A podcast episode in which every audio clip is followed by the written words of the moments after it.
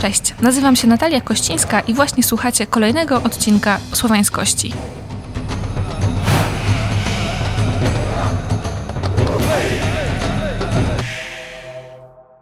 Dzisiaj w kolejnym odcinku Słowiańskości znowu jest ze mną Katarzyna Stasińska, rekonstruktorka, archeolożka, która zajmuje się farbowaniem tkanin, ale technikami, które były obecne we wczesnym średniowieczu. I właśnie o tym farbowaniu i o tej książce będziemy dzisiaj rozmawiać. Cześć. Cześć, witam Cię. W poprzednim odcinku już trochę zarysowałyśmy temat związany z tkaninami. Rozmawiałyśmy o lnie, o wełnie i kto nas słuchał, ten już wie, że len się farbuje fatalnie, a wełna trochę lepiej. Zgadza się? Tak, to nawet nie jest trochę, to jest bardzo dużo, dużo lepiej. Nie, nie ma zupełnie porównania. To może zaczniemy od, od tego lnu już, jeżeli on jest taki straszny. Bo rozmawiałyśmy też ostatnio o tym właśnie, że na spotkaniach, imprezach rekonstrukcyjnych pojawia się bardzo dużo kolorowych lnów, ale uzyskanie tych kolorów, które tam się pojawiają, wcale nie jest łatwe i, i len się bardzo szybko wypłukuje. I to jakie kolory len mógł mieć we wczesnym średniowieczu? Nie będę ryzykować tutaj rzucaniem liczbami ani procentami, ale przy, przeważająca większość to był jednak len niefarbowany. Z dwóch powodów. Pierwszy to jest to, jak już mówiłyśmy, że len się farbuje okropnie, a drugi powód to jest to, że jednak to jest tkanina, którą się nosiło blisko skóry, pełniła funkcję bielizny i jako taką prało się ją na pewno częściej niż tą odzież wierzchnią. No i w związku z tym te kolory uległyby natychmiastowemu zniszczeniu, więc no tak. nie miałoby to większego sensu. Swoją drogą tutaj tutaj można wrzucić ciekawostkę, skąd się w ogóle wzięło słowo bielizna. Właśnie od koloru białego, że to była tkanina niefarbowana. No tak. dzisiaj już to jakby określenie mniej nam pasuje, ale tak było. No tak, len częściej prany, a wełna, która była wykorzystywana jako odzież wierzchnia, była prana rzadziej i też łatwiej chyba przyswajała barwy po pierwsze przyswaja barwy o wiele lepiej, a po drugie rzeczywiście tak, była prawdopodobnie odzieżą wierzchnią, ale oczywiście w przypadku niezamożnych osób też wcale niekoniecznie musiała być farbowana. Bardziej prawdopodobne jest, że osoby biedniejsze miały, zwłaszcza jeśli to był jedyny komplet, miały powiedzmy tylko jakiś kolorowy, ozdobny wzorek, ewentualnie jakąś ozdobną krajkę. Niekoniecznie wynikało tylko z estetyki, ale mogło mieć też jakieś znaczenie magiczne.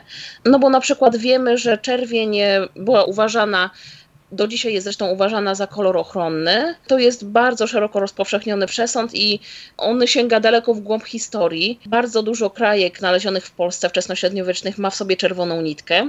Więc y, to, to jest taka moja drobna teoria, że właśnie czasem nawet te codzienne ciuchy mogły mieć jakiś dodatek z y, odrobiną czerwieni właśnie ze względu na to, żeby chronić właściciela. A czerwień nie jest czasem trudna do uzyskania? Nie, czerwień nie jest tak łatwa jak żółty albo zielony, bo to możesz mieć z wszystkiego, co rośnie na polu ale czerwony mhm. masz na przykład z korzeni marzanny. Próbowałyśmy ostatnio farbować marzanną i taki ten czerwony był umowny. Aha, bo tak, po pierwsze to musi być woda bardzo miękka, najlepiej deszczówka. Po drugie, jednak im więcej marzanny w stosunku do farbowanych włókien, tym, tym lepiej, jeden do jednego. I pomaga też środowisko zasadowe. Czyli tutaj nie chodzi tylko o to, żeby wrzucić roślinkę do garnka, ale jest cała masa innych elementów, które mają na to wpływ. To znaczy tak, podstawą jest oczywiście wrzucenie roślinki do garnka, ale jest cała masa czynników, o których trzeba pamiętać farbując i który, każdy z nich ma wpływ na kolor. To jest właśnie ta woda, to jest temperatura, to jest stosunek jakby ilości surowca do ilości farbowanych włókien, to jest czas zbioru surowca, to jest sposób przygotowania włókien. Czyli te opowieści o dziewicach zbierających rośliny przy pełni księżyca to wcale nie musi być wielka przesada. E, nie, bo właściwy czas zbioru rośliny jest bardzo istotny. Są określone substancje, które się w roślinie kumulują. E, no i farbowanie jest czystą chemią i biologią. Trzeba uzyskać e, roślinę w momencie, w którym zawiera jak najwięcej tych substancji. Właśnie dlatego ja dzisiaj się szykuję na zbiór urzetu, bo wczoraj był bardzo upalny dzień i przedwczoraj też było dosyć ciepło i w moim użycie w tej chwili powinno być już dużo niebieskiego pigmentu. Urzet to jest w ogóle roślina, o której pierwszy raz słyszę. Urzęd barwierski to jest moja ukochana absolutnie roślina. Jedyna, która pozwalała we wczesnym średniowieczu uzyskać kolor niebieski na terenie Europy. I ona też e, rosła u nas, gdzieś tam na ziemiach polskich? Też można ją tu było znaleźć? Nie jestem pewna co do ziem polskich. W ogóle to jest jeszcze kolejna dygresja w dygresji. Mam troszkę wątpliwości co do popularności koloru niebieskiego na naszych ziemiach we wczesnym średniowieczu. To oczywiście nie jest żadna rozbudowana naukowa teza, ale e, są takie teorie, że Słowianie nie bardzo sobie cenili kolor niebieski. W ogóle jest bardzo mało słów dotyczących koloru niebieskiego. Nie znaleziono w materiale archeologicznych żadnych e, tkanin farbowanych na niebiesko. Tutaj możemy oczywiście mówić, że mogły być, ale mogły się nie zachować, ale biorąc pod uwagę, ile tych fragmentów jest, to jest troszeczkę dziwne, że nie, nie zachował się żaden z farbowany użytem. Mam taką swoją małą teorię, oczywiście mogę się tu mylić, że Słowianie za tym kolorem albo nie przepadali, albo uważali, że to jest kolor przypisany obcym, bo na przykład Bałtowie z kolei i Skandynawowie bardzo kochali kolor niebieski i na ich ziemiach możemy znaleźć mnóstwo tkanin farbowanych na niebiesko właśnie użytem. A u nas... No, to ciekawe. A jaki kolor był najpopularniejszy w takim razie u nas wśród Słowian? E, czerwony, to jest absolutny Czerwony, hit. jednak ten czerwony. Tak. Jakie jeszcze rośliny mogą pomóc uzyskać czerwień oprócz tej marzanny? Są jeszcze jakieś, czy tylko ta jedna? E, nie, jest oczywiście przytulia. E, jest cała masa przytuli. To jest taka upierdliwa roślinka, którą na, na pewno znasz i którą osoby słuchające nas te, też znają. Będę musiała wygooglować, jak wygląda kiedy wyjdziesz czasem na łąkę i przyczepiają ci się do, do ubrania takie małe kuleczki, to są właśnie z przytuli. Okej, okay, sprawdzić, zapamiętać. Jest bardzo I ona też, odmian. I ona też dawała kolor czerwony. Tak, korzeń jej kłącze, tylko tu jest trochę większy problem, bo te korzonki są bardzo drobne i trzeba by tego nazbierać więcej. I o tym wszystkim, właśnie o tych, jakich roślin można uzyskiwać kolory, piszesz w swojej książce, bo właściwie to o niej miałyśmy rozmawiać, a tutaj weszłyśmy już w, roślinki i w technikalia. Opowiesz trochę o tej książce, w ogóle skąd ci przyszedł pomysł do głowy, żeby coś takiego stworzyć, no i co tam możemy znaleźć? Tak, moja książka to jest w ogóle długa historia, bo zaczęło się od tego, że napisałam sobie licencjat o czymś, co mnie fascynowało w tamtym czasie, czyli o tkaninach z Opola. No i jak już zaczęłam grzebać w tych opolskich tkaninach, to przyszło mi do głowy, że można by zbadać temat głębiej, zobaczyć jak to wyglądało w innych miejscach na terenie Polski, a potem jak już e, zebrałam to do kupy, to chciałam jeszcze rozszerzyć temat o różne aspekty dotyczące etnologii. No i zaczęłam się zastanawiać, czy by tego nie wydać.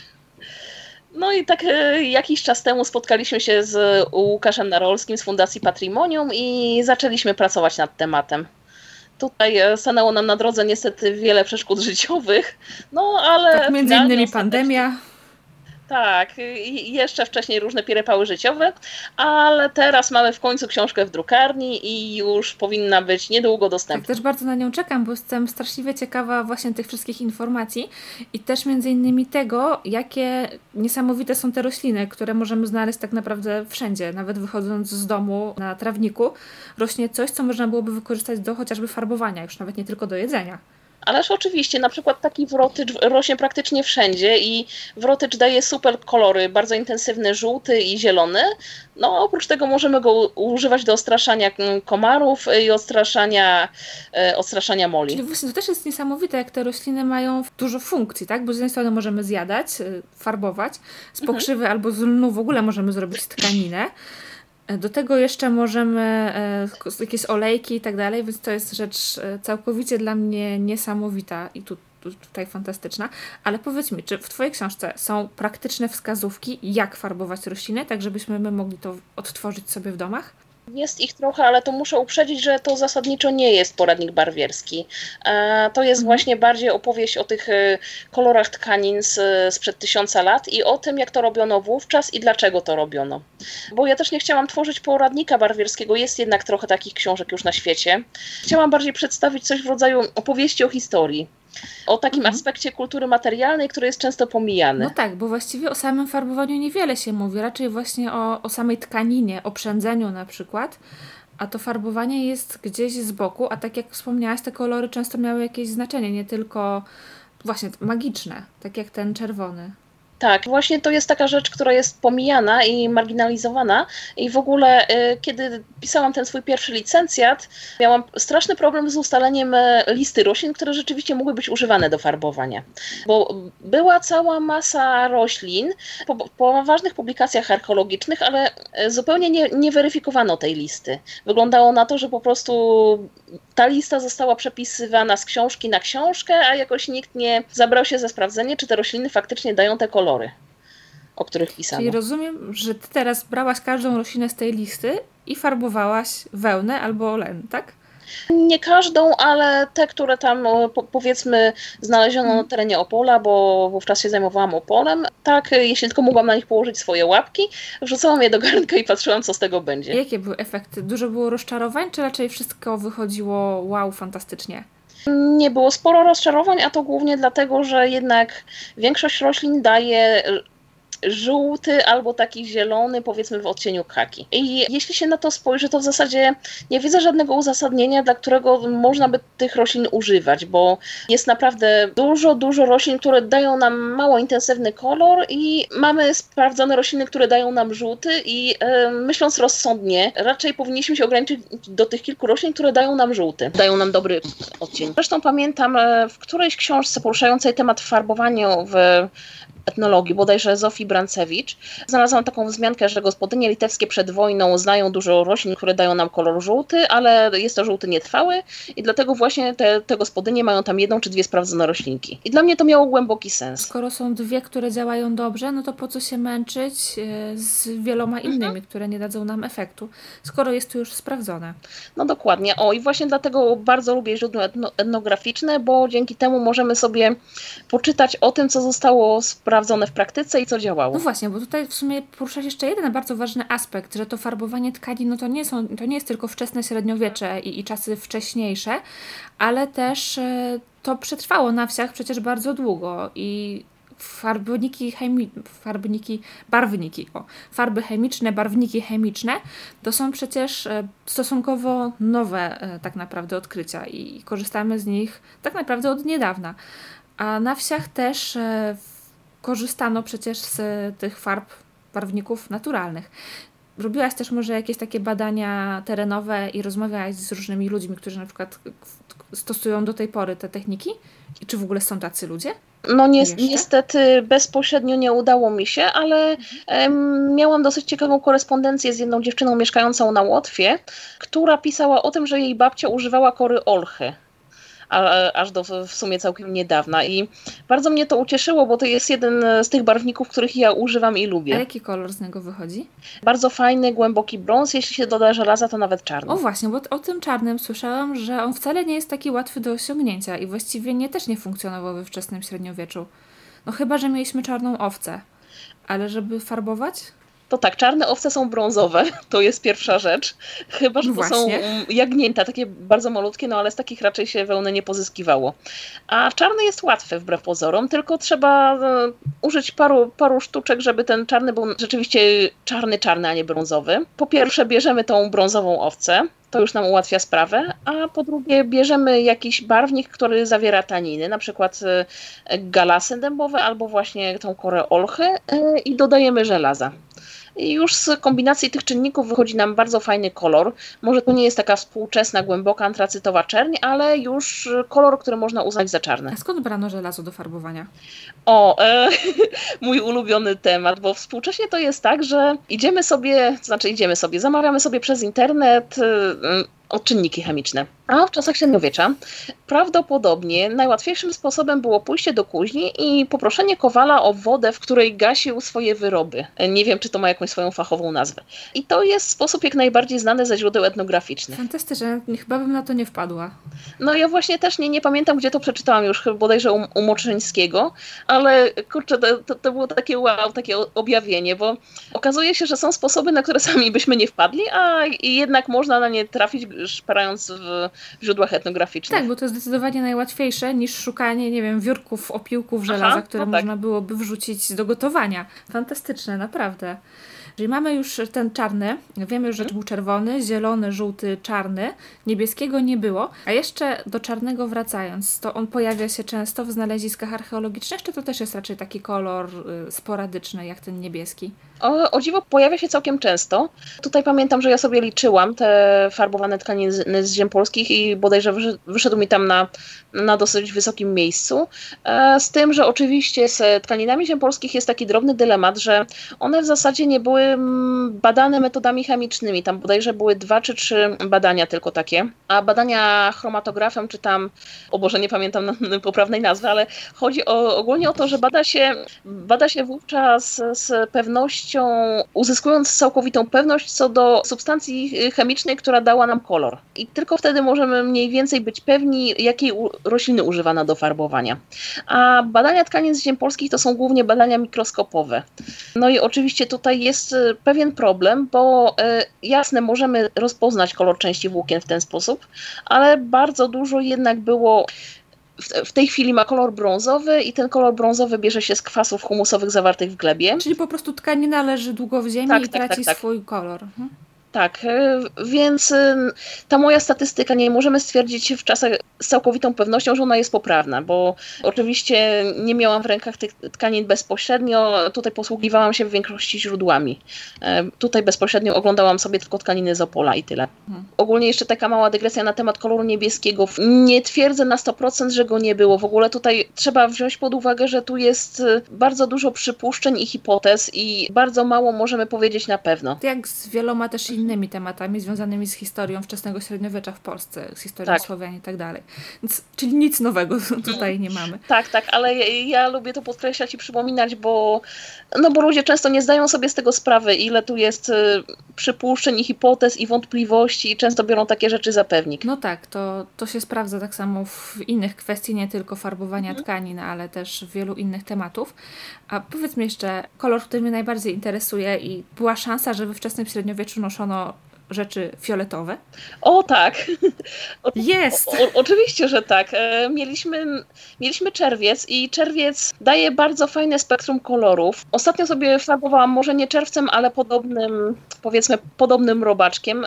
Daj, który zawiera pokrewną substancję chemiczną. Uzyskałam bardzo fajną rangę kolorów, fiolety i róże głównie. No i podejrzewam, że podobne kolory mogliśmy mieć z czerwca. Tylko oczywiście to nie był tani barwnik, bo za czerwcem trzeba się uganiać jeszcze bardziej za, niż za roślinkami. Trzeba wykopać określoną roślinę w określonym czasie, w czasie w roku i zbierać... Ale roślina przynajmniej nie ucieka. A tak. Czyli fiolety i róże to raczej były pochodzenia owadziego, tak powiedzmy, a jakieś rośliny dawały takie, takie odcienie? Czy to już ciężko? Mm, Skandynawowie mieli bardzo fajne odcienie sporostów. Nie, nie znam polskiej nazwy, to jest Okrolechia tartarea. W każdym razie jest sporo porostów, które mm, da, dają nam świetne róże, tylko to nie są bardzo, bardzo trwałe kolory. To też trzeba wziąć pod uwagę. Czyli one też by się szybko spierały one są przede wszystkim dosyć wrażliwe na światło. E, z takich porostów, e, które sobie rosną w Polsce jest mąk latarniowa i jeśli się ją fermentuje w odstałym moczu, to może dać bardzo fajny różowy kolor, tylko że ona rzeczywiście blaknie bardzo, bardzo szybko. To są dopiero niesamowite historie. W odstałym moczu, tak? O tak, e, to jest najtańsze i najpewniejsze źródło amoniaku. No tak, to też ma sens. Właśnie, to wychodzą takie rzeczy, nad którymi się człowiek nie zastanawia, bo my jak potrzebujemy dzisiaj amoniak, to idziemy do sklepu. Mhm. E, ewentualnie zamawiamy przez internet, a jakoś e, te tysiące lat temu ludzie musieli sobie radzić inaczej. I to jest niesamowite właśnie, że na takie pytania w zasadzie odpowiada archeologia doświadczalna też, tak? Tak, e, to jest w ogóle ten moment, w którym moi kursanci zawsze robią dziwne miny, bo ja się strasznie fascynuję wykorzystaniem takich substancji i na przykład opowiadam o tych słoikach z moczem, które stoją u mnie na parapecie i się fermentują. A, ale serio, z, przy fermentacji z moczem naprawdę uzyskujemy bardzo fajne kolorki. Na przykład, kiedy fermentowałam liście użytu, uzyskałam bardzo głębokie odcienie niebieskiego. Takie, których nie miałam nigdy wcześniej. A ten urzet jest taki bardziej jasno-niebieski, czy bardziej wpadający w takie ciemne, na przykład habry? To jest taki w najbardziej podstawowej wersji to jest jasny błękit, ale oczywiście mhm. są różne sztuczki, żeby ten błękit przyciemnić. No i na przykład wielokrotne zanurzanie w, w kadzi barwierskiej daje nam głębszy odcień, ale też na przykład fermentacja w określony sposób, na przykład właśnie fermentacja z moczem. W ogóle to jest, fermentacja użytu to jest bardzo osobny, bardzo rozbudowany temat. Ja jestem w ogóle na początku swojej drogi tutaj, bo kadź fermentacyjna z użytem to jest e, coś bardzo skomplikowanego i żeby w tym osiągnąć mistrzostwo to trzeba lat. No mnie z kadzi fermentacyjnej póki co nie, nie wychodzą jakieś super odcienie.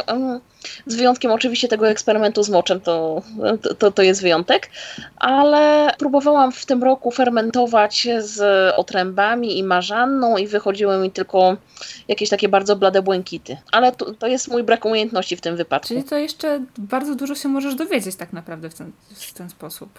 Tak, to jest tak, że czasem mi się wydaje, że już wiem wszystko, potem sobie zaczynam grzebać w temacie i o mój Boże, tak naprawdę to nie wiem nic.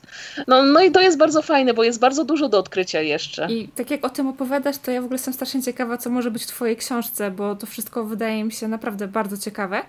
i tym chętniej po tę książkę zajrzę.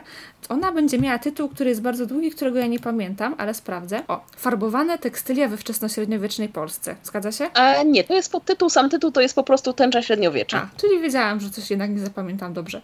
Dobra, Tęcza Średniowiecza i ta książka niedługo się pojawi i też prawdopodobnie będzie do zdobycia gdzieś e, w słowiańskościach, więc możecie śledzić, jeżeli kogoś ten temat zainteresował. I też podzielę się swoim osobistym doświadczeniem, bo ja sama osobiście tych tkanin nie farbowałam roślinami, ale patrzyłam, jak jest to robione. I to naprawdę jest niesamowite, jak się wrzuca takie pokrojone kawałki trawy na przykład albo czegoś i potem tak. wyciąga się tę wełnę i wow, to ma kolor zupełnie inny niż miała wcześniej i to działa. Tak, tak. A w ogóle takim najbardziej epickim doświadczeniem jest farbowanie użytem. To jest coś, co kocham, nigdy mi się nie znudzi, e, bo to jest tak, że kolor zmienia się bardzo szybko pod wpływem tlenu. Kiedy się e, wyciąga e, tkaninę z kotła z użytem, przez chwilę ona ma taki kolor, jaki miała na początku, a potem dosłownie przez kilka sekund ten kolor zmienia się na błękit. I to jest czysta magia. I za pierwszym razem, kiedy to zrobiłam, naprawdę się rozpłakałam. Nie, nie. Wyobrażam to sobie. To musi świetnie wyglądać. Tak, to jest absolutnie super. Polecam każdego, każdemu, kto się zajmuje farbowaniem naturalnym. Urzet. Tak? tak? Polecamy urzęd. Super. Bardzo dziękuję Ci za tę rozmowę. Mam nadzieję, że teraz wszyscy, którzy słuchali, idą na łąkę, zbierają sobie odpowiednich roślinek i tworzą swoje własne zakłady barwierskie. Wystarczy mieć garnek z wodą, tak? Trochę ewentualnie innych składników i w domu też możemy to zafarbować. Tak, na początek wystarczy garnek z wodą z, ze stali nierdzewnej. Najlepiej, jeśli woda jest filtrowana, bo woda z kranu niekoniecznie da nam takie kolorki, o jakie nam chodzi. No i fajnie mieć też aun. To jest taki podstawowy, podstawowa zaprawa, która nam sprawi, że te kolorki będą jeszcze jaśniejsze, bardziej jaskrawe, no i kolor utrzyma się dłużej. Doskonale, to taką poradą zakończymy. Bardzo Ci dziękuję za rozmowę i do usłyszenia. Do usłyszenia.